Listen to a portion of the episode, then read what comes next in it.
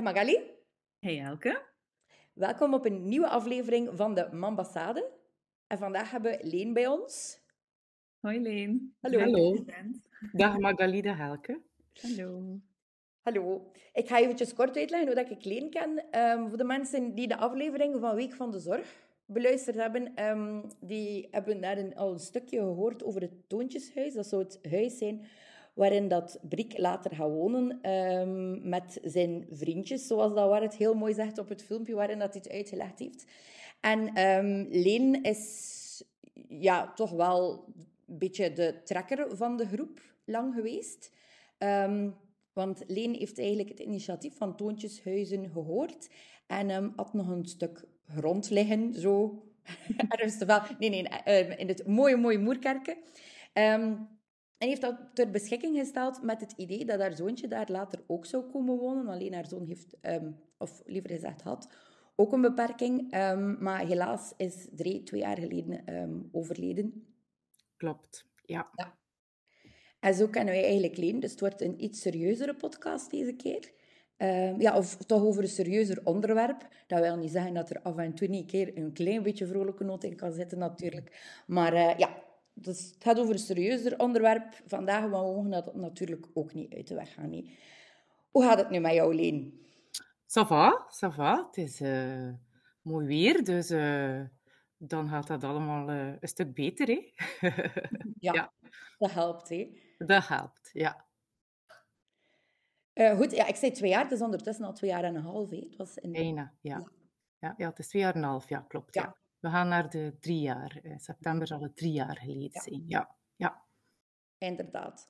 En we wouden het vandaag eigenlijk over rouwen hebben, maar ehm, Mhm. dat is natuurlijk in jouw geval ehm, een woord die meerdere betekenissen heeft, denk ik dan. Mhm. Want het eh levend rouwen, dat Mhm. is iets dat jij ook heel goed kent. Levend trouwen, voor de mensen die daar eh, vragen over hebben. Dat is eigenlijk een begrip. Ik heb het e- de eerste keer gehoord van Manu Kersen.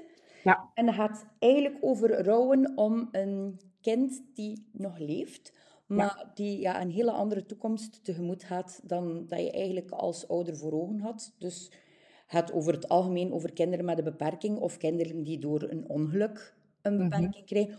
Ik zeg nu, kinderen kunnen evengoed oudere mensen zijn natuurlijk. Dat kan ook een geliefde zijn of zo. Maar levend trouwen is dus rouwen om een verandering in het leven van iemand die, die dus nog steeds verder leeft. Maar waar dat er dus een hele grote aanpassing ehm in komt. ja, klopt. Ja, En dat zijn dus, ja, jammer genoeg, twee onderwerpen waar dat jij eh, toch wel des- ervaringsdeskundige in bent. Dus daar willen we vandaag graag met jou een keer over praten. Eh, maar ik ben al heel blij dat het goed gaat met jou vandaag, dat je ook van de zon al hebt genoten. Ehm, ja. en dan gaan wij nu daarover praten, gewoon rustig op het gemakje. En we zien wel waar het gesprek ons leidt. Ehm, misschien, ja, beginnen bij het begin. Ehm, wil je kort nog iets vertellen over het leven met Ray? Of... Ja, ehm, dus onze Dre die is geboren ehm, eh, 14 maart 2007. Eh, bij de geboorte was alles picobello, eh, perfecte bevalling. Maar uiteindelijk was het verder in de ontwikkeling. Eh, je had hevige reflux, we kregen dat moeilijk onder controle. Ehm, en op die manier ehm, werd er steeds duidelijker en duidelijker dat er iets niet klopte. Tot we op de leeftijd van één jaar alle registers opengetrokken hebben. ehm, en dat we met de specialisten op zoek gegaan zijn. En toen hij één jaar en half eh, was, eh, kregen wij te horen uit het genetisch onderzoek dat hij een chromosoomafwijking had, eh, die de naam het Angelman-syndroom kreeg. Eh, dus wij wisten op de leeftijd van een jaar en een half dat onze Dre eigenlijk altijd ehm, voor heel veel zaken afhankelijk zou zijn van anderen.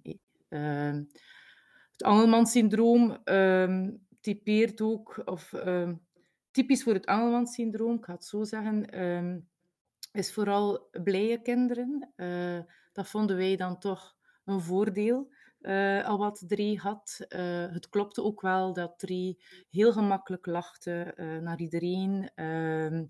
Dus uh, dat maakte het wel makkelijker om met drie uh, doorheen de wereld te gaan, zou ik zeggen. Uh, maar hij had bij alles hulp nodig. Hij kon niet praten. we hadden het geluk met goede ondersteuning van Kini dat hij toch op een bepaald moment beginnen stappen is. Ook al was dat niet elegant, maar met ondersteuning van spalken. en met... Ook zo'n beetje ja, eigenlijk. Ja, ja, ja. ja. Beans. Ja en met de armen. Uh, uh, en dat deed hij ook wel heel graag. Uh, dat was eigenlijk zijn voornaamste bezigheid eens dat hij het kon. Hier in en uit huis, in de tuin rondlopen, de kippen op stang jagen. en dat was eigenlijk zijn voornaamste bezigheid. dus ehm, dat kan ik vertellen over de... Ik kan natuurlijk heel veel vertellen over de drie. Um, ja, Drie is op een bepaald moment um, is altijd thuis gebleven uh, in combinatie met buitengewoon onderwijs. Mm. Dus um, uh, we waren heel blij toen we uh, het Noordveld leerden kennen, omdat dat toch een plek was waar we eindelijk voelden van oké, okay, um, hier zien we drie wel meedraaien. Ook al was het heel duidelijk dat drie op dat vlak wel een kind zou zijn met heel wat minder mogelijkheden. Het zou niet gaan over um, uh, zelfredzaamheid. Of, voor ons was het gewoon al belangrijk als drie uh, mee kon uh, draaien met de noop. Zo zijn wij dat eigenlijk altijd. Ja. Ja, ik weet dat in Noordveld was... Sorry. Dezelfde school, sorry. dat is dezelfde school als, um, als waar Brik gaat, hè? Klopt, klopt, ja.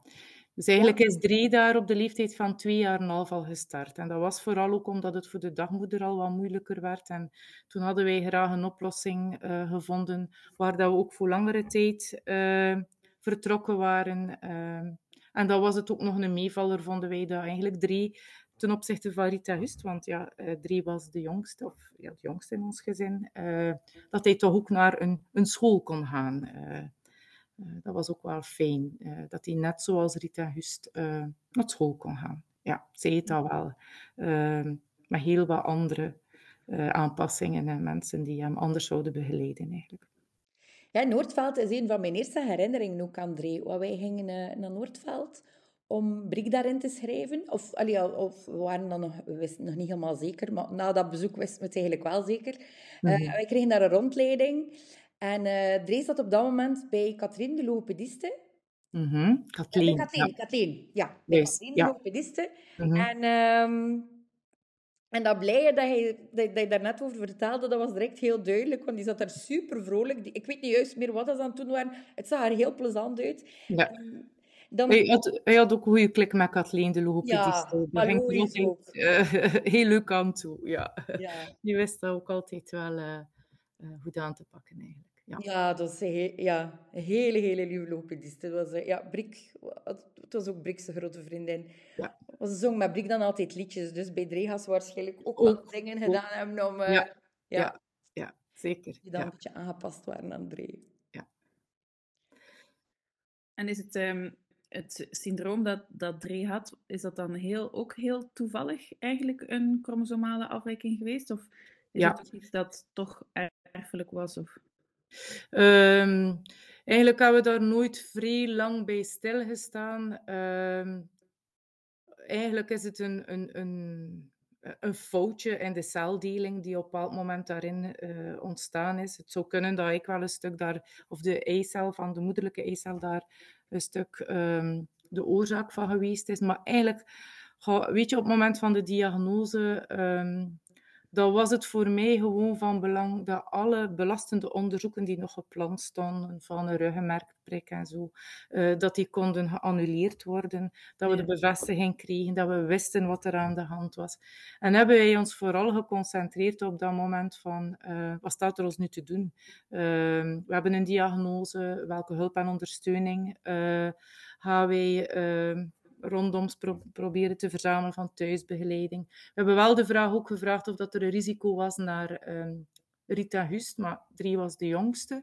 Uh, en toen hebben zij ook gezegd, ja, nee, dat is eigenlijk ja, puur ja, een foutje uh, die op dat moment opgetreden. Het komt wel iets frequenter voor uh, dan de problemen die Briek heeft, want anders zou het geen naam hebben. Hè. Ik weet dat toch een man, Angelman genoemd, de link gelegd heeft met op welk chromosoom er een probleem is, dat het ook om een deletie gaat. dus in die zin komt het wel voor, maar men sprak van 1 op 40.000. Dus ja. ja. ja. ja. Ja. We kennen, allee, we kennen uh, een meisje uh, met hetzelfde syndroom. Ja. Uh, we komen dat niet zo vaak tegen dat we ook nog Angelmans tegenkomen, maar af en toe ja, kom je het wel tegen. Ja. En dan herken je het ook wel. dan zie je de gelijkenissen. Ja. Ah, ja. Het is niet zo frequent als een syndroom van Down, absoluut niet. Nee. Wat dat wel ook maakt dat telkens je naar een ziekenhuis gaat of zijn heel geregeld met drie op spoed belandt, omdat hij vaak uh, viel. Uh, uh, en dan ja, word je vaak geconfronteerd met ook professionelen die het absoluut niet kennen. voor mensen drie ook niet praten, was dat vaak een uitleg die we moesten geven. Ja. Maar ik kan eigenlijk niet zeggen, er is er altijd goed op gereageerd geweest. Want voor mensen is dat ook niet makkelijk, hè, maar men bleef wel zo altijd met Ray verder praten. Uh, al wisten ze dat hij niet kon. En een antwoord verwachten. Zo. Ja, ja. ja. Zo'n momentje ja, waarvan dat het zo wat afstemmen uh, was. Uh, ja. Maar dat lukte wel, ja. ja. En zo die eerste periode rond dat, dan het stukje leven trouwen, dan zijn dat dingen waar je nog een hele heldere herinnering aan hebt van hoe dat je dat beleefd hebt. Want bij mij is dat heel vaag. Um, ik weet nog ja, heel goed het moment waarop wij de telefoon kregen uh, met de prof van Leuven aan de lijn. Dat was totaal onverwacht. Dat was uh, eind augustus, waar wij waren boeken aan het kaften uh, met onze Riet en onze Hust. Onze Riet die ging naar het eerste leerjaar, of tweede leerjaar. Het was tweede leerjaar. Ehm, en ik, waar, ik, nam de telefoon op en het was de prof uit Leuven die zei van, ja, mevrouw, wij, wij willen laten weten dat wij een oorzaak gevonden hebben voor de problemen van uw zoon. Uh, wij zouden elkaar graag uh, over 14 dagen in het ziekenhuis in Sint, ja, Sint-Lucas in Brugge ontmoeten. En dan gaan we dat verder toelichten. Ja. Dan zit je twee weken lang te wachten op... Ja, uh... klopt. Ja. Dus wij wisten toen al van, ja, er is iets. Oei. Ja. Ja. Um, maar dat was dan nog twee weken wachten tot we eigenlijk onze afspraak hadden in Sint-Lucas, in het ziekenhuis. Wij hebben wel het geluk gehad dat men in tussentijd uh, vanuit Leuven was dat dan, een brief gestuurd had naar de huisarts, waarin ook de uitleg stond, waardoor dat wij de week erop, de vrijdag, door onze eigen huisarts opgebeld zijn. En die zei van, ik heb wat meer uitleg gekregen uh, van de prof van Leuven. Uh, ik zou dat graag een keer komen toelichten. En daardoor hebben wij dat een week eerder geweten. wat dat dan wel goede zaak was als we dan de prof van Leuven effectief ontmoet hebben, hadden wij ook al een aantal zaken opgezocht. En kan ik wel zeggen, allez, is dat een ander gesprek geweest, dan hadden we toen maar voor het eerst uh, vernomen wat er aan de hand zou zijn. Want ja, je wil ja, het eerste moment ja, dat is geen fijn nieuws en dat moet allemaal wel een beetje bezinken. Wat, wat wil dat hier nu allemaal zeggen? Eh, de volgende dag ga je dat wel rond gaan opzoeken, totdat je op een punt komt van ik stop met opzoeken, want je, je, je, leest ook meteen de ergste verhalen en dat helpt je op dat moment ook niet. Mhm. En wat ik wel ook weet, is dat Stijn en ik op dat moment uh, heel duidelijk ook beslist hebben van... Uh, we gaan niet beginnen met altijd maar op te zoeken en andere verhalen op te zoeken. Wij gaan het parcours met onze drie gaan heel bewust. Uh, om ook niet nodeloos ongerust te zijn. Uh, je kan van alles tegenkomen dat aan mijn kind niet voorvalt. En je kan dan nog van alles voor hebben waarvan dat je nooit vooraf geweten hebt. En dat was een heel duidelijke keuze van ons om op die manier met de situatie ook om te gaan. Um, ja. Wat ik wel ook nog... Ja. Dus in het Angelman-syndroom zit er eigenlijk ook een redelijk breed spectrum dan? Ja, ja, dat merk je wel. Uh, dat, dat het syndroom kan hebben, ja. Ja, want er heeft op een bepaald moment ook uh, epilepsieaanvallen uh, beginnen doen. Ehm, en dat was de eerste keer dat we eigenlijk dan heel gericht bij je prof van Leuven kwamen voor zijn epilepsie. En die was vertrouwd met het Angelman-syndroom. En die gaf toen te kennen van, uh, in vergelijking met de Angelmans, zoals die zei, uh, dat hij in zijn praktijk tegenkwam dat Reda eigenlijk relatief goed deed, uh, omdat hij ook kon stappen. Uh, en dat dat toch wel uh, een groot verschil maakte of die kinderen konden stappen of niet. Ook naar de ontwikkeling, misvormingen vaak. Waardoor dat die problematiek nog veel complexer werd. Ehm, dus um, ja. Ja, eigenlijk um, misschien gewoon eventjes ter, uh, om dat een beetje te duiden. Uh, kinderen die niet tot stappen komen, blijven eigenlijk altijd heel vaak in dezelfde houding zitten. Ja. Waardoor dat, um, er vergroeien kan komen Klopt, van hun ja. gewrichten. En um, dat is een woord, ik had dat nog nooit gehoord op voorhand. Um, hun beenbuigers. Dat is eigenlijk de spieren die tussen je benen en je bekken lopen die, worden dan, die blijven kort, want mm -hmm. te staan wordt dat uitgerokken. En, um, en daardoor kunnen heel veel kinderen die dus maar aan latere leeftijd lopen, lopen een beetje gebogen. En ook met hun benen een beetje open, want het is het cowboyloopje. Het is omdat ik dat redelijk goed herken van bij Brik, want ja. Brik heeft ook lange tijd zo gelopen. Um, ja, dat ze eigenlijk die tekenen vertonen. Wij moeten nu voor het moment Brik op zijn buik leggen en op zijn poep gaan zitten. Ja. Zelf. Dus ja. dat is een beetje raar, maar... ja, ja, ja. Dus dat is eigenlijk een van de, van de dingen die, die dat eigenlijk teweeg brengt met een kind die niet mobiel is. Dus dat zorgt eigenlijk voor nog, ja, voor nog veel meer problemen dan je hebt als, als je kind gewoon kan lopen, natuurlijk. En hoe oud was Dre toen dat, die, dat jullie dan uh, bij de prof kwamen? Um, we, hebben, we, hebben, dus meerdere profs in het verhaal gehad. Dus de eerste prof genetica bij de diagnose. Um, dus die, die zijn we gestart op de leeftijd van één jaar. Um, op anderhalf jaar dan de diagnose. En dan op, ja, hij was net geen twee jaar en half, had hij dan die epilepsieaanvallen uh, begon te doen. dus daar is hij dan ook uh, voor gevolgd geweest. Hebben we dan ook medicatie opgestart. Hebben we dat ook wel redelijk onder controle gekregen. En dan was er nog de prof um, rond zijn um, voeten, of hoe moet ik het zeggen? Ja, uh, omdat hij eigenlijk... Uh, toen die begon te stappen, ook makkelijk in spitsvoetjes ging. Uh, en dan was er de orthopedist die hem op dat vlak volgde en die toen ook te kennen gaf. Uh, het feit dat hij stapte, eh, was het gevaar anders voor Angelman ook uh, een scoliose in de rug geweest. Eh, dat je misvormingen zou beginnen krijgen in de rug door het zitten.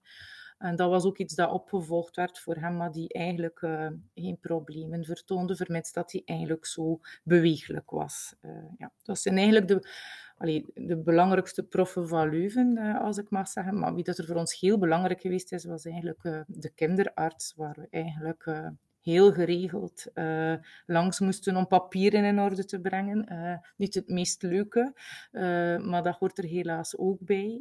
Ehm, maar die kende hem ook, kende Dre ook zeer goed, kon ook zeer goed inschatten als er iets was. die, ja, die heeft heel veel voor ons betekend. ja, ja. Gelukkig. Hè? Ja, zeker. Of voor jou als mama gedurende die hele tijd? Want, ja, ja, ja, zeker. zeker heftig. Hoe hij dat ja. zo beleeft, zo zelf. Ja. Die emoties. ik, ik weet, ik denk dat alleen die periode waarschijnlijk veel beter had nog gaan weten dan ik. Alleen houdt redelijk nog gezet, mag ik zeggen, een dagboek bij. Of schrijft heel veel. Ik niet. Dus ik wil echt hele blanke stukken, maar ik denk dat jij dat misschien beter kan duiden dan ik nog. Ja, ja. Maar het, het klopt wat Elke zegt. Ik kan... Ehm, ik ben daar eigenlijk trouwens ook nu mee bezig, nadat Drie overleden is. Ik heb heel geregeld zaken op papier geschreven. En ik ben dat wat aan het bundelen. Uh, op een manier dat ik de dertien jaar dat Drie in ons leven geweest is, zo de momenten waar er iets over te vertellen ben, eigenlijk aan het uitschrijven ben. Uh, en daar zitten heel geregeld uh, ja, gesprekken met ja, alle mensen, uh, ja, de, de kinderarts op een moment, um, want mijn mama is ook overleden in 2013. Um, ehm, en dat valt dan wel op als je nu terugkijkt. Dat ik in die periode vooral met mijn mama bezig geweest ben en dat drie daar dan maar mee moest infloreren. Maar dat is ook de periode waar dat die heel veel wakker geweest is nachts. Um, waarvan dat toen ook de kinderarts, nadat mijn mama overleden is, ook echt wel alle registers opengetrokken heeft om te kijken, nu moet er toch iets aan die nachtrust gebeuren. Want dat is ook een typerend kenmerk voor Angelman, maar daar ben je, daar ben je vet mee op dat moment. Als je eigenlijk je nachtrust niet hebt. Uh, en die heeft dat dan ook... Uh, ja, uh, met, met nieuwe middelen uitproberen. ja, die heeft ja, op die momenten ook veel voor ons betekent. Ja. Uh, maar ja, evengoed de, de gesprekken die ik in school gehad heb. Uh, uh, zijn zaken die bijblijven. Ja, alle mensen waarmee je de zorg uiteindelijk deelt voor je kind zijn zo belangrijk. En daar heb ik eigenlijk wel ja, ook redelijk wat van opgeschreven. ja, zorg delen is ook niet zo, zo makkelijk voor degene die wil helpen, maar ook voor jij die, die moet loslaten. Dat is niet altijd makkelijk.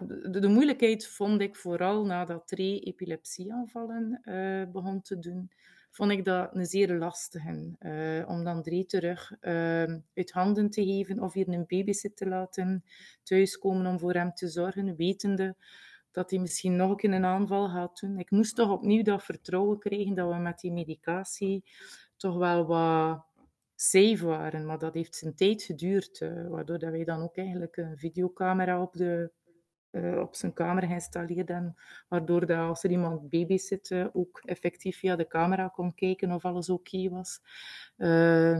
ja, en ook onze kinderen geïnformeerd van wat er moest gebeuren bij een aanval. die medicatie die voorhanden moest zijn, met de bedoeling om, om die aanval zo mogelijk te stoppen dat, ja. Dus ja, als er ook naar het speelplein gaat, dan, dan was dat toch soms wel een keer met een bang hartje. Uh, maar uh, naarmate er tijd overging, was het wel duidelijk dat hij het altijd deed uh, op het moment dat hij ziek aan het worden was, bij het opkomen van koorts of op superhete dagen, omdat hij ook zijn temperatuur niet goed kon, kon bijsturen. dus waren dat wel duidelijke momenten om aan anderen door te geven en als ze toen ongerust waren, mochten ze eigenlijk altijd bellen. Uh, ja. Ja. ja. Ja. Ik kan me inderdaad voorstellen dat dat moeilijk is in het begin, want dat is zo stramien dat je maar naar tijd eigenlijk begint. Ja. Hoort hem, nee, daar, daar moet er toch wel redelijk wat tijd over gaan. Als ik jaren zeg, zeg ik waarschijnlijk niks raars. Hè? Ja. Dat, nee, dat heeft een tijd geduurd. Ik weet dat ik toen zelfs opgeschreven voor een kaartje s'avonds voor uh, naar Herman van Veen te gaan. En ik kon dat echt niet opbrengen om daar naartoe te gaan. Uh, nee. nee. Omdat dat vertrouwen er voor mij niet, mhm. nog niet was en dat heeft zijn tijd gevraagd. Ja. Ja. En dat, dat is misschien om toch ja, een beetje naar het thema terug te grijpen. Dat is niet, allee, dat is niet één verlieservaring. Hè. Dat is doorheen de tijd meerdere verlieservaringen. Hè. Van oké, ja, uh, ik doe nu epilepsieaanval. Oei, dat, dat is weer anders redeneren van als we een babysit nodig hebben. En, en zo is het wel ja, wel veel zo'n momenten waarover dat je, dat je moet denken, hoe gaan we dat nu doen? Eh, er was bijvoorbeeld ook... Hij kon goed stappen, uh, maar wij hebben op een bepaald moment toch een abonnement gehad op spoed, uh, omdat hij makkelijk viel. En hij had ook niet de reflex om zijn handen te zetten en hij viel altijd op zijn kin. Dus die kin is, ik heb nu achteraf in al mijn notas, ik heb dan ook de kinderspecialist gevraagd om dat een keer na te trekken of dat mijn telling juist was. Maar mijn klantenkaart van tien beurten uh, was zeker vol. Uh, en echt op een tijdspanne van, ja, wat was nu nog ruim zeggen, twee jaar zeker. Uh, waardoor dat die kin iedere keer gehecht moest worden. Hè. ja, zo'n zaken. Uh... Dat is toch geen klantenkaart waar je extra beurten wil, hè? Dat is, uh... nee, nee, nee, nee, maar wat dat wel was, allee, we gingen altijd naar het vertrouwde ziekenhuis, uh, op de spoedafdeling, Sint-Lucas in Brugge.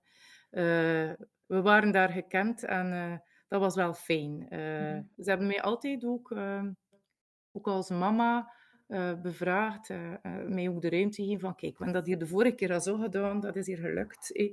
Men pikte dat ook op. ik heb me daar nooit moeten... Je hebt dat soms in sommige verhalen dat je hoort dat je soms als ouder wat, wat moet, moet assertief opstellen om, om te mogen zeggen. Ik heb dat daar altijd fijn ervaren. Uh, men had dat vrij snel door. Allee, eigenlijk op een duur denk ik dat ik daar al de artsen wel een keer gehad heb. Uh, ja, ze ook door dat we daar geregeld kwamen uh, en ging dat eigenlijk altijd zeer vlot. Uh, wist ik ook dat dat eerst met een verdovende gel was, dat ze probeerden de plek te verdoven. Moest ik dan een half uur met hem proberen hem wat af te leiden, dat hij die plakker er niet afhaalde. Dat, dat was nog het moeilijkste van heel het verhaal, zou ik zeggen. voorstellen. Uh, en dan, eens dat dat daar een half uur goed op geweest was, uh, dan kon men dat eigenlijk... we wikkelden hem dan in een steeklaken, met zijn armen naast hem. En dan konden zij dat eigenlijk perfect naaien. Ik moest wel ook altijd zeggen dat de draadjes kort moesten afgeknipt worden. Want hij is er toch één keer in geslaagd dat de volgende dag de draadjes er terug uit waren. Dus um, had ze eruit getrokken. Um, waardoor dat je dan opnieuw aanpassingen gaat gaan zoeken en dat we dan eigenlijk uh, t-shirts met washandjes aangenaaid hadden.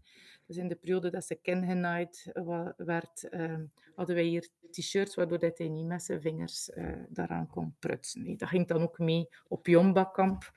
Uh, zulke zaken. Je, je, telkens je één probleem opgelost had, kwam er wel iets nieuws bijvoorbeeld. Dus ja. onze creativiteit is vaak aangesproken geweest. Ja. ja. Gelukkig heb je dat niet tekort, hè? Creativiteit. Ja. ja. En maar heeft, dat, heeft, heeft dat veel effect gehad op jullie gezin? Natuurlijk wel, ik kan me wel inbeelden, maar ja. Uh, ja. met andere kindjes en partner en zo. Ja, ja, dat heeft zeker zijn effect gehad. Alhoewel, als je dat aan Rita Hust zelf gaat vragen, dan vonden zij dat normaal. Ja. Ah, ja. ja. ja. We waren ook altijd nog heel jong, hè? Ja, dus drie is, is de jongste. Um, ik had nu, like of dat nu is. Onze Rita is nu 23, uh, onze Hust 21 en onze drie zou 16 geworden zijn. Hè. Uh, ja. Dus drie is gestorven op zijn 13 jaar. Uh, dus ja, voor, zij zijn daar mee en opgegroeid. Ik, allee, zij hebben zoveel zorg um, mee overgenomen zonder dat zij dat eigenlijk goed beseft hebben. Um, al was het maar hier thuis wachten tot de bus kwam en ik die tien minuutjes later van mijn werk thuis kwam. Uh, zij ontzettend veel zo'n zaken uh, meehelpen depaneren. Maar voor hen, ja, dat, zij zeggen dat ook letterlijk tegen mij. Mama, dat is, on, dat is onze broer. Uh, dat was normaal.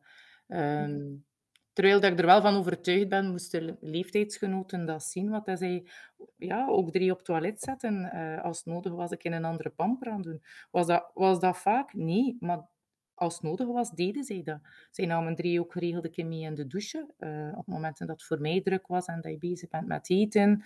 En dat, dat Rita of zei, weet je mama, ik zal ik hem in de douche steken. Uh, of naar bed brengen. Uh, ja, dat, dat, hoort, dat is zodanig deel van, van, van je gezin, waardoor dat iedereen op elk moment daar zijn deel in deed. Ook Stijn. Uh, mijn man heeft een zelfstandige zaak. Uh, en, en allee, is, is, is vaak uit huis voor, voor het werk. Maar ook ik moest soms een keer s'avonds naar een vergadering voor mijn werk. Maar dat wist ik ook heel goed. Dat Stijn ging even goed drie in de douche steken, eten geven, naar bed brengen. Uh, ja, dat, dat zijn de dagelijkse rituelen uh, ja. die erbij horen. Ja. Zelfs in die mate, uh, om nu weg en weer te lopen, ons ochtendritueel, uh, ja, dat was redelijk getimed. de steen stond op om het ontbijt klaar te zetten, koffie te maken, de voorbereiding voor de stutendozen. en mijn deel was zorgen voor, voor drie eigenlijk. Dus ik haalde drie uit bed, uh, uh, zorgde dat hij uh, verzorgd werd, andere kleren aan. En ja, dat, dat liep eigenlijk naadloos in elkaar. Ehm, ik deed dan ook zijn spalken aan. de rechtste, de, of voor mij rechtse spalk ging altijd vlotter dan de linkse. Dus ik begon met de rechtse. En tegen dan wist Stijn dat hij moest komen om dan de tweede spalk aan te doen. Uh, Drie wist dan ook dat er dan een handdoek hangde in ons waskot, waar hij toen kiekeboe in speelde. En dan zo had alles dat zo op een bepaald moment zijn ritueel, waarvan ja. je dat eigenlijk niet meer beseft. Uh, hoe dat, dat er allemaal bij hoorde. Uh, waarvan dat, dat een van de moeilijkste dingen is, nu er ieder niet meer is. die rituelen. Uh, het ochtendritueel bijvoorbeeld maakte, ja, uh, we zijn twee jaar en een half verder. Um, en het, het lukt, Stijn en ik zou zeggen, maar ergens voelen wij nog altijd wel van, ja, ik loop een Steense weg, hier bij manieren van spreken, dat hij de koffie zet. Ja, ik heb nu wel tijd om ook ondertussen een keer bij te gieten, maar dat, dat, dat blijft een, een, een allee, dat blijft een raar gevoel. En, en we blijven dat gevoel hebben van, dat is ons ochtendritueel niet. Ja. Ja. ja. ja. ja. ik, kan me, kan me voorstellen, um, zo, sowieso als er een kind sterft in een gezin, dat dat gemis heel groot is. Maar ik kan me voorstellen dat bij, bij een kindje zoals drie, mm -hmm. dat hij heel veel zorg, mm -hmm. ook ja, zorg en tijd nodig had, dat er daar eigenlijk ook wel een heel groot zwart gat komt in uh, wat je moet doen. Want dat is natuurlijk van de ene dag op de andere dag. En ik denk, in, in ieder gezin, met ieder kind, ja, neemt die zorg af. Ja. Maar kindjes, like drie is dat niet. Dus die zorg is heel groot. En dan opeens valt dat volledig weg. En, uh... ja. Ik kan natuurlijk niet vergelijken. Ik kan maar spreken van de ervaringen van drie. En drie was een kind met een beperking. Maar ik vind zelf inderdaad wel... Uh, wat doe je in die dertien jaar is... Uh, je beseft dat niet, maar je verlegt altijd maar je grenzen uh, omwille van de noden van je kind. Die, je wilt dat ook doen. Je beseft dat eigenlijk niet, hoe ver dat je daarin gaat. Maar als hij dan er is totaal onverwacht ook overleden, dus wij hebben daar ook geen proces voor gehad waarin we wisten dat het fout zou lopen. Wij hebben altijd geleefd met het idee van uh, er zal er altijd zijn en eerder al denken van wat als wij niet meer voor hem kunnen zorgen, we gaan daarvoor acties ondernemen, maar nooit het idee dat, dat we nu in dit verhaal zouden beland zijn. En dat maakt je plots dan beseft van oei, um, en nu? Um, en wat ik heel hard ervaar is dat wat dat drie nodig had, dat ik eigenlijk, ja, een duur... Wat dat ik nodig had, was wat dat drie nodig had. Dat je eigenlijk nu beseft hoe, hoe dat, dat eigenlijk samen begon te vallen. Waardoor dat drie is er nu niet meer. En ja, ik kan ik in principe van alles doen, maar er is niets dat mij uh, de voldoening of het goede gevoel heeft uh, die ik had als ik uh, met drie bezig was. En dat is, dat is een heel vreemd gevoel. Um, ja, eh, dat blijft zoeken. Allee, je zou denken, we zijn twee jaar en een half verder, maar um, ik heb nog altijd niet het gevoel dat ik um, mijn leven op een bepaalde manier op de rails gekregen heb, uh, nu dat er niet is. Ik ben daar nog altijd naar op zoek hoe dat moet, of hoe dat ik dat wil. Ik weet dat niet goed. en dat is een moeilijke. Mm. en, allee, maar ik denk sowieso een kind verliezen, of nu een kind met een beperking is of niet, Um, ik heb daar ook altijd het idee van gehad dat dat moet lastig zijn. En dat, dat is misschien wel een van de ergste dingen dat je kan tegenkomen. Maar nu, nu dat je het zelf meemaakt, ja, um, kan ik alleen maar zeggen, ja, en het is nog veel lastiger dan, dan dat ik me voorstelde. Het is, ja. het is behalve dan heel het emotionele, is het ook het meest ja. onnatuurlijke dat je kan tegenkomen hè, als persoon. Ja, het is, is vooral omdat... Helemaal niet, hè? Dat, dat, dat klopt ook helemaal niet, dat je je kind... Nee. nee, dat klopt niet. Maar goed, ja. Uh, het is zo, je, je, je, je moet ermee aan de slag. Hè. Uh, je moet verder. En ik denk dat ik kort na het overlijden van drie dan ja, je moet de draad weer opnemen voor je leven. En ik moet zeggen, best dat je dan twee andere kinderen hebt, dan die houd je op drie, want je, je, je er voor die twee zijn. Hè? En die, die, hebben wij, die hebben mij toch ook wel op drie gehouden, eerlijk gezegd. Uh, wat er dan wel gebeurt, is dat je doet wat je ervoor deed.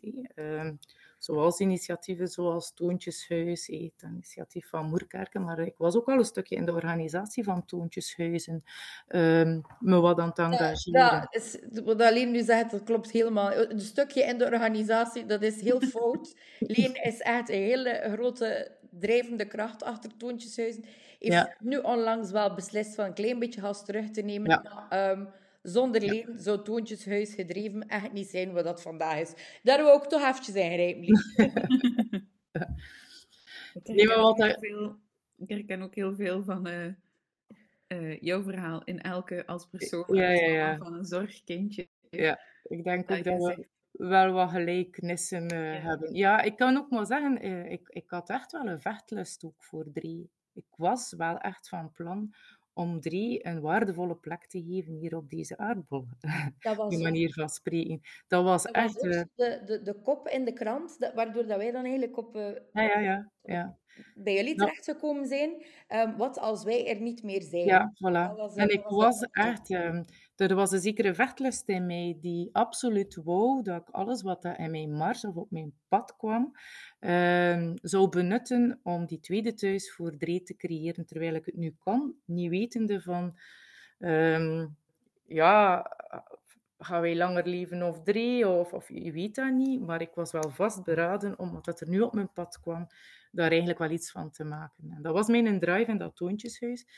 Dus drie overlijdt en wat doe je dan? Je grijpt terug naar de dingen die je ervoor doet en je doet dat verder. Ehm, maar ik moet toegeven dat na, de tijd verder ging, ehm, ik moest vaststellen dat de dingen die ik toen met een vechtlust deed, um, dat ik op een bepaald moment voelde dat een opdracht werd.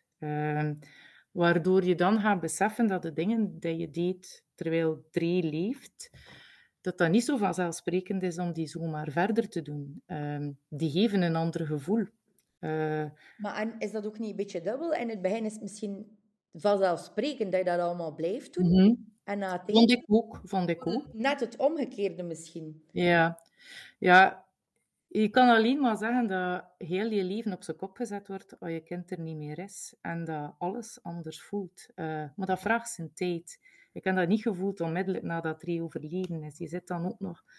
Uh, wij hebben ook wel um, werk gemaakt van de afscheid, om dat ook op een goede manier te delen. Dat was ook uitdagend in coronatijden. Ik denk dat ik lang in, in die warmte van dat afscheid uh, heb het. Uh, en ook ja, de, de vele indrukken met Rie. Je, je, je kan daar wel... Of ik heb daar wel een periode op geteerd, eerlijk gezegd. Ja. Tot je plots op een bepaald moment voelt van tja, dat komt niet meer. Alsof dat je batterij plat is. Ik denk dat ik dat ook wel letterlijk gevoeld heb vorig jaar. Ik heb toen ook uh, 100 dagen al mijn engagementen onderbroken. Uh, ook om die 13 jaar 3 dat ik op papier wou krijgen, dat mij dat ook niet meer lukte in combinatie met alles. Dus heb ik daar dan voorrang aan gegeven. En dan heb ik gevoeld dat het voor mij niet vanzelfsprekend was om in de grote organisatie van Toontjeshuis op dezelfde manier verder te doen. En gelukkig heb ik dat ook mogen zeggen. Ik blijf dat project zeer belangrijk vinden, maar het heeft een heel andere betekenis. Toontjeshuis Moerkerken is voor ons zeer belangrijk dat er komt. Alleen Um, het is niet meer het tweede nest van onze drie. Uh, het is voor de vrienden van drie. Uh, maar voor ons is het symbolisch zeer belangrijk uh, dat het komt en dat gerealiseerd wordt. Ehm, omdat dat iets is dat drie in ons leven in gang gezet heeft. En dat ik heel graag wil um, zoeken op welke manier ik dat verhaal vooruit kan helpen. Maar niet meer als initiatiefnemende ouder. We zijn zo gestart in dat verhaal als initiatiefnemende ouder. Maar doordat Ray daar niet meer komt wonen, uh, zijn wij de weg aan het gaan om te zoeken hoe kunnen wij ondersteunende ouder worden in dat verhaal. En dat is wat Elke ook daarnet vertelt, ik vorige week nog wel duidelijk aangehaald en heb de groep. Wij stappen nog altijd met jullie mee. Maar ik heb het nodig om niet meer vooraan de groep te lopen. Ik heb het nodig om achteraan op de groep te mogen meelopen. En het is aan andere mensen om een keer de leiding te nemen over een aantal zaken. En het fijne in onze groep is dat dat ook kan. Eh, dat er daar ook goed op gereageerd wordt. Uh, en dat iedereen op dit moment een beetje aan het zoeken is. We moeten wat chargeren voor Toontjeshuis Moerkerken. En iedereen is aan het zoeken wat dat hij kan doen. En dat is ontzettend fijn. Het is ontzettend fijn uh, dat we dat met die mensen zo kunnen doen. Ja. Ja, het is een hele goede groep. Hè. ben een hele goede groep. Dus, ja. ja, het hele fijne mensen allemaal. Ja. Je zit daar net eventjes van die symboliek, maar dat is voor jullie altijd al heel belangrijk geweest. Hè?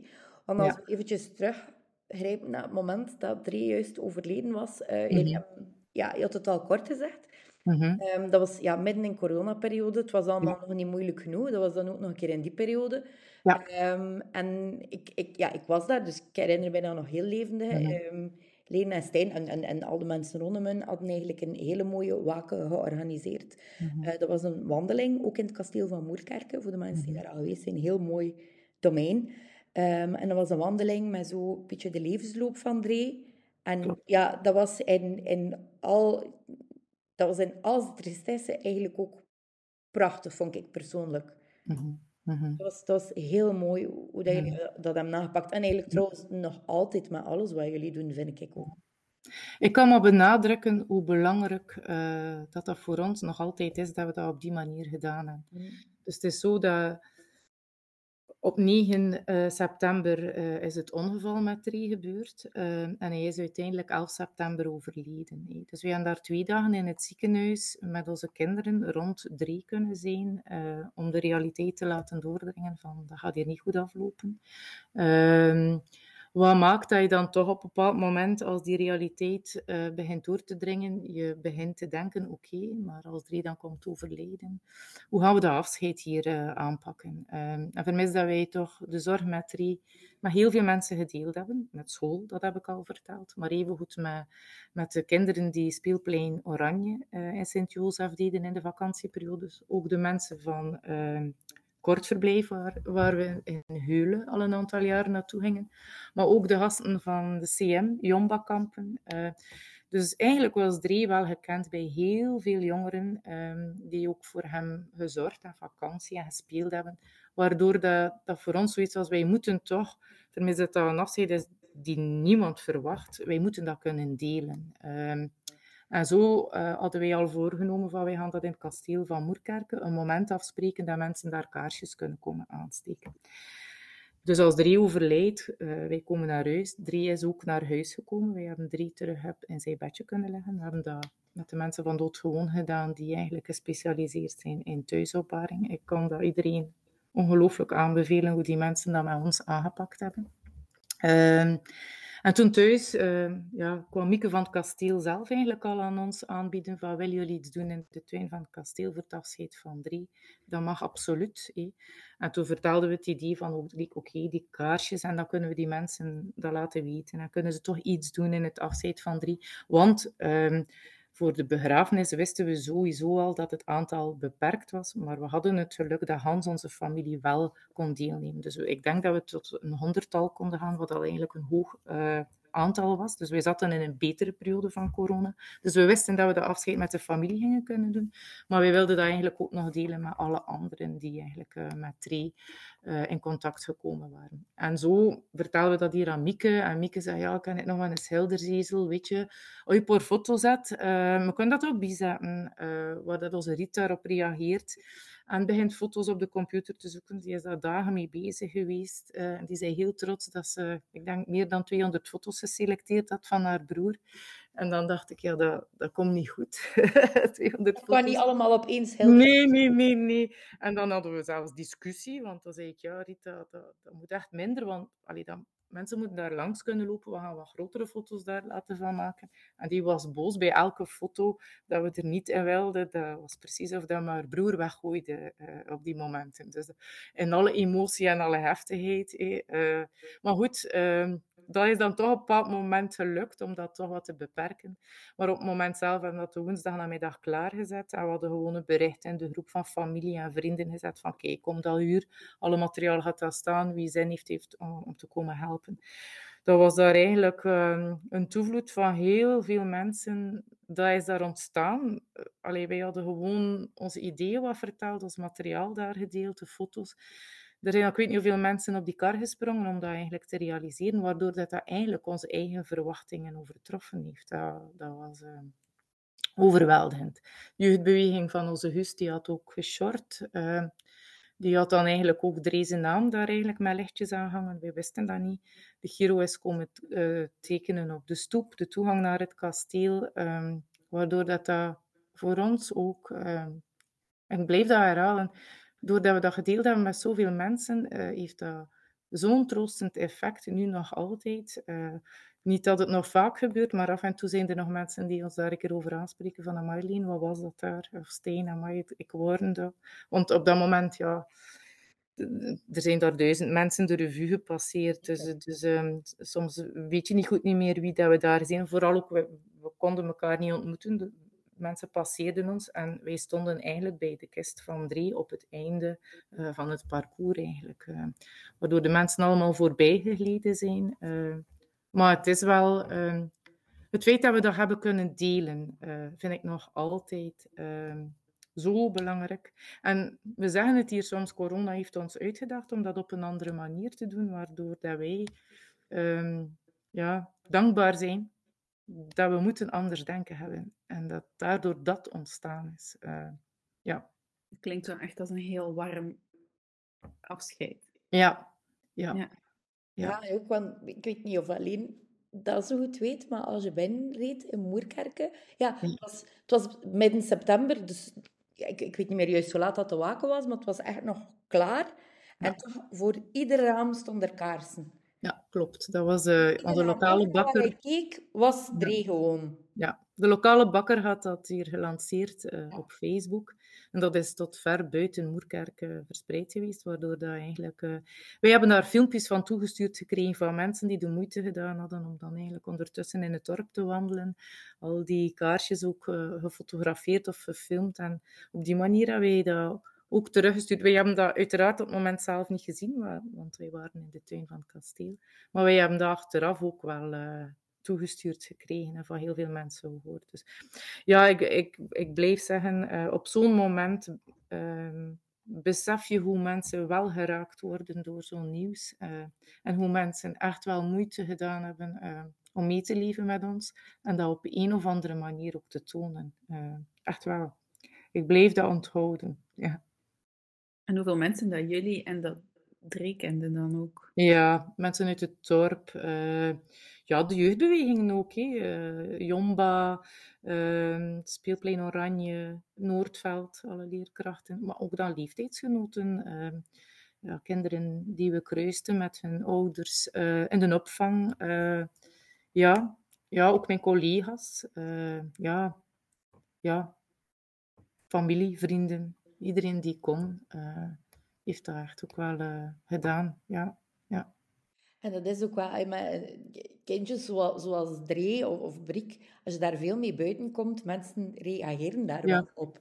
Ik heb ja. dikwijls dat ik met Brik ergens aan het wandelen ben en dan mensen eigenlijk eerst goeiedag zeggen tegen Brik en dan pas ja. mij. Voor de mensen die nu zijn te luisteren, vind ik dat niet erg, maar dat is wel, dat, dat, dat leeft wel enorm. Mensen... Ik vind dat ook. Er zijn heel veel mensen die daar moeite voor willen doen. Mm. Uh, het enige waar dat wij ook altijd op gelet hebben is van soms eerst wat uitleg te geven. Uh, drie zo rap een hand gepakt en, en door een keer gebeten en dat hem niet aanstond. Dus dat waren zo zaken waar je mensen wel een keer van, vooraf wat verwittigde. Maar als je uitleg gaf aan mensen, van, of drie praat niet, allee, hoe doet drie, deden mensen toch altijd moeite uh, ja, om, om daar iets mee te doen.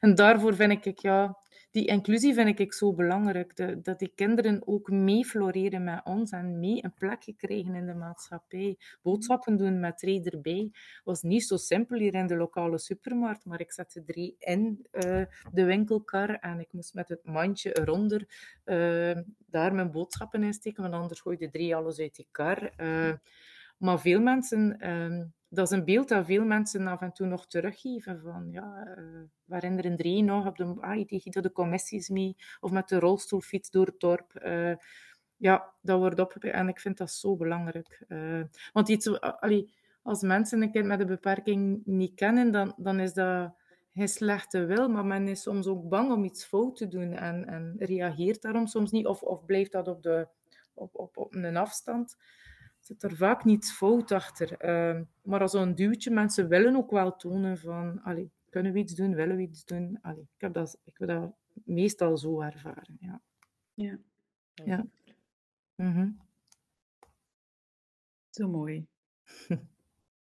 ja. ja, dat is wel zo. En, en, en hoe, hoe, hoe triest dat verhaal ook is, er ja. is en dat... zoveel schoonheid ook mee gepaard geweest. Ja. Kijk, dat is... Ja het is misschien een rare uitdrukking, maar, maar ik vind het wel belangrijk om het te zeggen.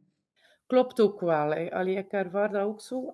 Ja, er zijn nog wel mensen die uh, Dirk de Wachter ook wel een keer lezen. Die, die dat ook wel mooi. Dat, en de meest lastigste momenten kunnen ook de meest mooie dingen gebeuren. Uh, ik durf ook echt beweren uh, dat de laatste ogenblikken met drie aan zijn bed en eigenlijk ook mooie momenten waren.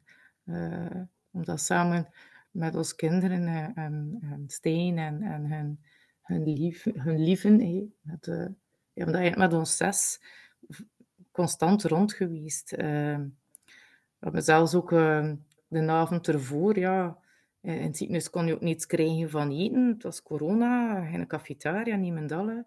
Uh, maar als kinderen toen met de vrienden binnenkwam op, op intensieve, denk dat je dat aan niet veel mensen kunt vertellen. Ook daar, dat personeel heeft daar echt ook een, een oogje dichtgeknepen en dat allemaal toegelaten. Dus terwijl dat Tree daar eigenlijk aan, aan, de apparaten hing en wij daar rond eigenlijk uh, frieten zitten eten. Uh, en ook daar, ook dat is belangrijk. Um, ik zelf ervaren van daar ook normaal en gewoon rond te kunnen doen. Um, ja, ja. Bestaat daar een film over? Er bestaat een film dat een stuk over dat onderwerp gaat en dat heet Collateral Beauty. Is me niet. Will Smith gaat over een man en hij schrijft um, na de ah, dood van zijn zoontje een brief aan de tijd, de dood en nog iets. Oh ja. ja. Hele mooie film. Ja. Hele mooie film. En op het einde komt dat stukje van die collateral beauty aan bod. En -hmm. ergens had ik het wel begrepen, maar ik denk mhm. dat alleen het wel echt nog veel beter gaat begrijpen dan. Ja, ja, ja, ja, ja, ja.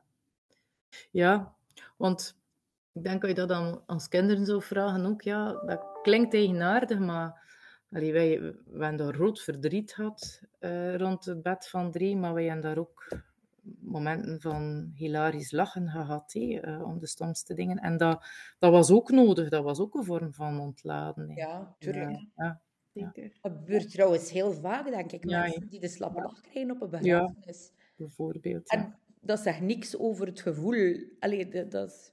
Ja. Ja. En dat moet ook kunnen bestaan, denk ik. Ja, zeker. zeker. Want dat vind ik wel zo want dat vind ik nu het moeilijkste. En ja, je moet verder doen met je leven. En je wordt elke dag geconfronteerd met het leven dat verder gaat. En er zijn wel momenten dat je liever zou zeggen van... Ik zou liever drie jaar terugkeren. Maar goed, dat kan niet. Je wordt daar in de dagdagelijkse realiteit heel veel mee geconfronteerd. Maar ook over hoe andere mensen met lastigheid omgaan. En wat voor andere mensen lastig is. Je kunt alleen maar ja, je weet wat hij zelf meegemaakt heeft, wat hij zelf probeert mee te dragen en waar hij mee probeert om te gaan. Maar soms vind ik dat wel lastig. Ehm, ja, als je de lastigheid van anderen ja. hoort en wat het, ja, waarover het dan maar, als ik het zo mag zeggen, uh, gaat. Ehm, ja, ja, dan, dan draait dat hier wel even van binnen. Hé. En, en ook al hebben, ik weet dat, Steen en ik dat ook nog tegen elkaar gezegd, ja, we gaan niet beginnen vergelijken, hé, want ja, dan gaan we er altijd met de bom afkomen. Hé. Verdriet is verdriet. Hé. En wij menen dat, om we dat zeggen, maar we kunnen ook niet ontkennen dat als je ermee geconfronteerd wordt, dat je hier van binnen toch even zo slecht soms. Hé. Ook omdat mensen... Een beetje denkt, was ja, dat het grootste probleem? Ja, ja, ja. ja. Dus, we willen niet vergelijken, maar je betrapt erin op dat je dat wel doet. Uh, ik denk dat dat menselijk is ook. Ja.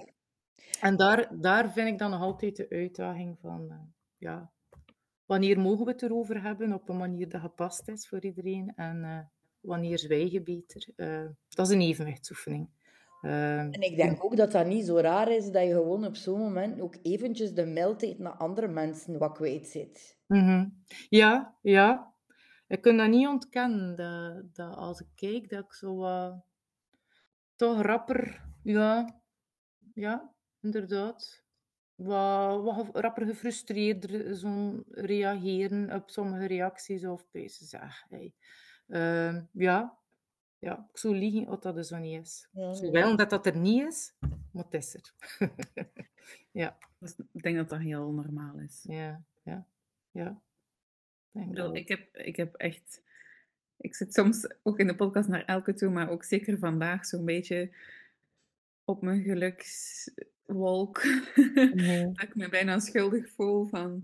Maar nee, maar dat mag je niet doen. Hè? Niet schuldig nee, voelen. Dat weet ik, dat weet ik. Maar gewoon hoeveel geluk dat, dat ik dan heb als ik dan zo verhalen uh, hoor of daarmee uh, in aanraking kom. Mhm.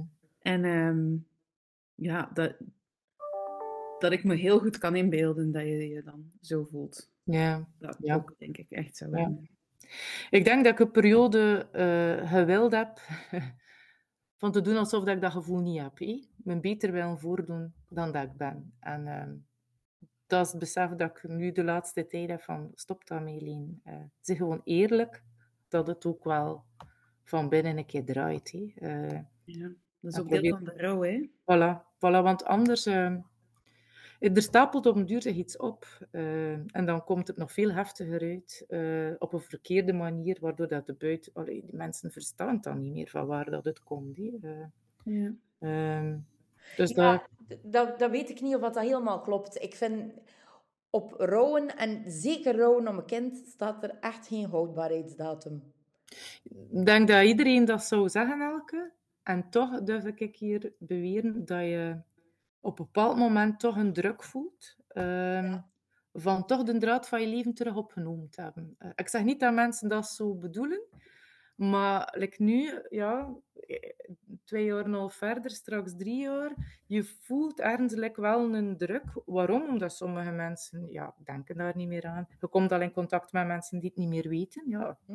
nieuwe collega's, ja, waarvan dat zij dat niet meegemaakt hebben, waarvan dat je dat ook niet meteen vertelt, want ja, het moet hem alle gelegenheid voordoen. Waardoor dat je zo toch een druk voelt van, ja, moet vooruit, hé, moet vooruit. En ja, ja, ergens kom je wat tot de vaststelling van straks is drie jaar en voel je like wel een druk dat je... Ja, ik zeg niet dat dat juist is en dat ik dan moet naar luisteren, nee, maar, maar het is er wel. Ja. Het is er wel. Ik denk ook dat sommige mensen dat misschien onbewust ook meegeven van ja, ik ga het er niet over hebben, want dan weet ik niet zo goed wat ik moet zeggen. Of dan doe ik misschien ja. haal ik weer dingen boven waar dat ze misschien even niet aan willen denken.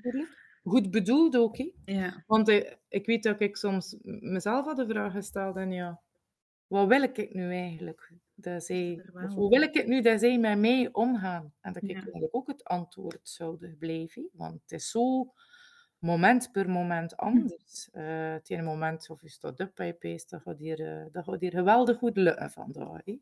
Vorige week, uh, also, ik moet mijn courage verzamelen voor de dag te beginnen. Vorige week had ik dan een dag. En met de fiets naar het werk dacht ik, ik de deugd van hen. een beetje zuurstof. en plots, een maat van ons die chauffeur is bij Oranje, bij het busje van Oranje, dus mensen met een beperking naar het dagcentrum brengt, reed plots naast mij en doet de, de open en zegt, ah, hey, Lien, ja. Nu, ik was op weg naar het werk en ik had niet zoveel zin om naar het werk te gaan, ik kan het wel zo vertellen. Uh, en ik zeg zo heel spontaan tegen Guy, mag ik mee vandaag met een busje? Uh, oh ja, kijk, het is plekken. En hij uh, had reed een meterke verder en er zit toevallig een meisje dat we kennen uit onze vriendenkring, ook met een beperking, uh, van achter in de bus. En ik zwaai naar haar en die zwaait terug met een enthousiasme. Ja, zoals dat Tree ook altijd heel enthousiast uh, kon reageren met een glimlach. Uh, onbeschrijfelijk. ik, ja. ik heb het mijn tand moeten bitten tot dat busje de hoek om was, want ik wilde eigenlijk dat niet laten blijven. Maar allez, ik ben begin schreeuwen, schreeuwen, schreeuwen. Ja, omdat de confrontatie is met wat hij mist. Uh, dus dat wat ik dacht, ik ga mijn courage verzamelen, ik ga naar het werk. Ja, als ik dus al blijvend op het werk gekomen, dus die fietstocht. ja, het overvalt je. Dus je mag nog denken van, ik kan zo doen en ik kan het ander doen. Dan, dan komen er zo'n dingen op je pad. Dat dat is niet elke dag, maar ja, waarvan dat je toen op het werk komt en gelukkig wel een collega en waarvan ik zeg, ach, oh, ik kan het vertellen wat ik voor had en die zegt van, oh, Leen, geen probleem, pak je eerst de tassen koffie. Uh, en tegen dat ik dan aan de koffie kom, ja. En dan, dan begint de orde van de dag, hè. Uh, en beginnen ze te vertellen, nee, dat en dat. Ja. En je, je moet je aan je werk beginnen. Niet? En dan betrap ik mezelf erop van, wat was dat hier nu eigenlijk? Want een uur later zit ik ook al in de flow van het werk. Uh, en merken anderen daar ook niks meer van. Dus dat kan zo schommelend, zo wisselend zijn. Ja, plots ook, ja. ja het allemaal van je overnemen, hè. dat is het. Uh, ja, en dan mag. Ergens is de wereld een beetje gestopt op ja. september. Absoluut, ja. En toch is die blijven doorgaan. Dus dat ja. En toch moet je verder. Maar ook een stuk in mij is gestopt. Hè. Mm. Ehm, dat vind ik nog de moeilijkste van al. Ehm, de mama van drie. Hoe zit dat nu eigenlijk? Ja. Drie jaar verder. Hè? Ja. De mama van drie die elke dag fysiek nodig was voor, allee, om, om, om, omdat die verder zou kunnen, ja, die is ook gestopt. Hè? Ik, ja, die rol, ja, allee, drie lief nog in mijn gedachten en in mijn... Maar niet meer hier fysiek, hè. En dat vind ik ook een moeilijke. Van, hoe, hoe zit dat nu eigenlijk? Ik weet het niet. Hoe dat je eigen rol weer een beetje invult. Ja. Hoe dat je ja. Zelf... Het is een rol die wegvalt. Hè. Hmm. En die rol maakte ook... Uh, ja, dat je bepaalde mensen rond je had. Uh, dat waren de mensen die je kruiste op school, ouders. Uh, waren niet de grote babbels. Uh, maar dat is wel een netwerk op een bepaald moment. Waarvan dat je nu, je die mensen wil zien, ja, dan, dan, dan moet je daar inspanning voor doen, dan moet je afspreken, maar je komt ze niet meer spontaan tegen in het dagdagelijkse. Uh, waarvan dat je het gevoel hebt, ja, we hebben nu gelukkig dat toontjeshuisverhaal, waardoor dat we een aantal van die ouderen op die manier nog zien. Maar er zijn ouders, ja, dat ik eigenlijk ja, niet meer gaan tegenkom, of misschien niet meer op de manier zoals ik ze in mijn dagdagelijks leven verweven waren eigenlijk. En dat, is raar. Dat is ook de groep van mensen die jullie ook het beste konden begrijpen, denk ik ook. Ja, lotgenoten, ja. En nu, ja... Hetzelfde doormaakten. Ja. Nu hebben we er een andere lot, hè. Uh, het is nu leven met een afwezige. Uh, ja. Ja. Ja. Ik ben ja, daar nog altijd heel hard in zoekende. Uh, en op een manier dat ik wel vertrouwen heb, uh, dat de tijd uh, me wel ergens gaat brengen. Hè. maar ik kan dat niet forceren, ik kan dat niet... Allez, ik geloof wel dat ik wel op een bepaald moment...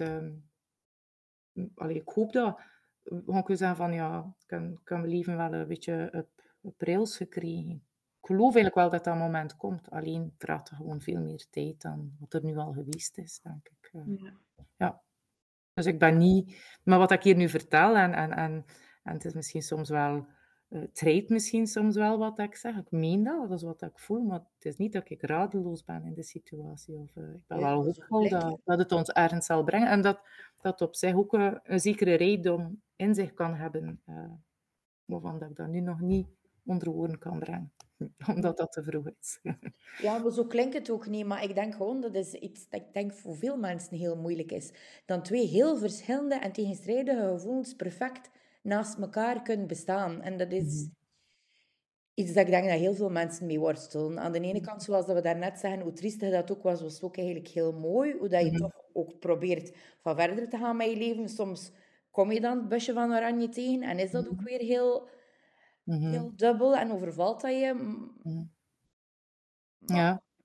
Maar rouw is ook iets, niet statisch, hè? dus nee. het, zal ook, het zal er ook altijd zijn, denk ik. Er ook, voilà. En dat, dat is iets dat je nu heel duidelijk voelt. Uh, het zal altijd deel uitmaken van mijn leven en van wie dat ik ben en van hoe ik naar de dingen kijk. Uh, ja. ja. dat is zo. En er uh, gaat altijd een voor- en een na zijn. Ja, ja. En, en uiteindelijk is het uh, ja, een verlies dat je je meedraagt. Uh, ik kan dat niet anders omschrijven. Uh, ja. En want dat je, dat je ergens hoopt dat je ooit misschien zegt van het heeft ook een, een ergens een, een rijkdom in zich. maar op dit moment kan ik dat nog echt niet. Zo, zo ervaar ik dat nu nog niet. Ik mis nog te hard drie. ja. Dat is ook heel normaal, hè? Of, of het is vooral dat dat bovendrijft, zal het zo zeggen. Uh, ja. Ja. ja. Ja. Logisch ook. Ja. ja. Voor mij ga je wel altijd de mama van drie blijven. ja, ja, ja. ja. Uh, maar ik, ik maar zelf... Ook andere dingen, maar zeker, zeker ook dat. Ja. Ik weet dat ik dat zelf ook ben, maar ja. ja.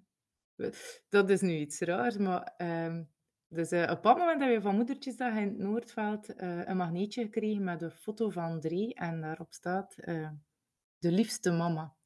En dat hangt in onze Californië voor mijn zitplaats. Stijn heeft dat daar hangen. Dat vind ik ook al zo, ja. ja. Ik voelde me wel een lieve mama voor drie. ja. Ik probeer nog altijd een lieve mama te zijn, maar snap je wat ik wil zeggen? Ja. Zo van, ga, ja. Ik mis ja, ik mis ook gewoon die mama kunnen zijn. Je bent een ander soort mama voor, voor Rita Hus, denk ik, ja. dan je voor Dree was. Dat, dat kan ook ja. niet anders. Zij hebben, ze hebben mij ook nodig, maar op een heel andere manier, niet zo praktisch. Uh, en dat, dat speelt denk ik nu ook wel, uh, doordat ze eigenlijk, ja, Riet, Riet gaat alleen gaan wonen, dus ze gaan alle twee afstuderen. Uh, Just komt maar terug, maar die gaat hier de zolder uh, installeren, ja, die, die hebben mij niet meer nodig. Uh, ik denk dat dat misschien ook wel speelt, dat zo, ja, er is er niet meer. En, en ook ja, deze fase in mijn leven. Uh, ja, ja. ja, tegen nest, inderdaad. Ja. Dat je eigenlijk al keer meegemaakt hebt. Hè? Want dat ja, ja, vond dat lekker zo. Ja. Ja. ja, ja, ja, we hebben het meegemaakt uh, als, als Rie gestorven is. De week daarna vertrokken ze allebei naar Gent. En zaten wij hier ook aan de keukentafel op een manier waarvan dat we nooit gedacht hebben dat we daar ooit zo zouden gezeten hebben. Ja. Ehm, ja. Dus toen hadden we dat heel fel. Ehm, maar wij hebben dat ook opgelost, of als kinderen hebben dat ook opgelost. Uh, wij gingen elke woensdag met eten naar Gent. En we hadden samen in Gent. Uh, dus als kinderen hebben in die periode ook voor ons gezorgd. die zeiden van mama, doe maar eten klaar. dus zo hebben wij dat toch een beetje proberen ehm, ja, minder hard te maken. Of, of, of, ja. Zij zijn er ook heel attent geweest naar ons op, op, dat moment. Terwijl, ja, nu komen we terug, maar op een andere manier in het leven. Ja, uh, maar dat is goed, hè. Allee, het, zou niet normaal zijn dat ze terug naar huis keren. Zij willen uitvliegen en, en zij moeten dat doen en ik wil dat ook. Maar ja, ik heb dat al... Allee, soms mensen die stuf met hun leeftijd bezig zijn. Ik zelf, ja, ben minder met dat getal bezig. Ik ben 47 geworden. Ik heb er nooit van wakker liggen. jong. Piepjong. Ja, voilà. Ik ga jong zijn als ik 47 ben, dus ja. Hey, maar uh, ik ervaar het wel in de fase van mijn leven dat ik ben van, oei, ik heb nu lekker zo de schoonste tijd van mijn leven nu al gehad, doordat er niet meer is. En, hey, weet dat dat zo niet is. Hey. Uh, mijn kinderen gaan uitvliegen en gaan in hun leven uitbouwen en er gaan andere dingen komen. Maar eventjes betrap ik me daar wel op uh, dat dat wel een gevoel is van plots zit ik een keer in een heel andere fase in mijn leven. En dus ook daar eerder geneigd zijn van mijn daardoor ot te voelen. Uh, ik stond toen al een keer durven van, van oei, ik word, ik word oud. eerder dan dat die 47 dat zegt. Ja. De omstandigheden in mijn leven, hè? dat zo zeggen. Ja, jullie hebben ook zoveel meer al je toekomst moeten bijstellen. Hè? Dat zit ik zo in heel het verhaal ook echt al heel de tijd te denken. Ja. Eerst beslis je, we gaan, we gaan ouders worden, we gaan een kindje nemen en dan nog eentje en dan nog eentje. En dan denk je, oké, de toekomst gaat er zo uitzien. En dan, dan krijg je de diagnose, dus dan wordt de toekomst weer aangepast. En daar ga je helemaal, wat je ook zei, dan begin je te denken, oké, wat later? En dan daar helemaal in verder. Dan ben je daar eindelijk een beetje... Met iets vertrokken. Ja. ja. En dan gebeurt dat. verandert het weer helemaal. Ja, ja. En dat is lastig. Ja, dat kan ik me echt heel goed Ja, en vooral ook, ik denk dat voor mij ook parten speelt was in functie van een ander. nu mag dat lekker in functie van mijn eigen, maar ik ben dat niet gewoon. Dat is afgeleerd. ben dat niet gewoon. Dat ja. ook niet nodig, vind ik. Uh, zo dat.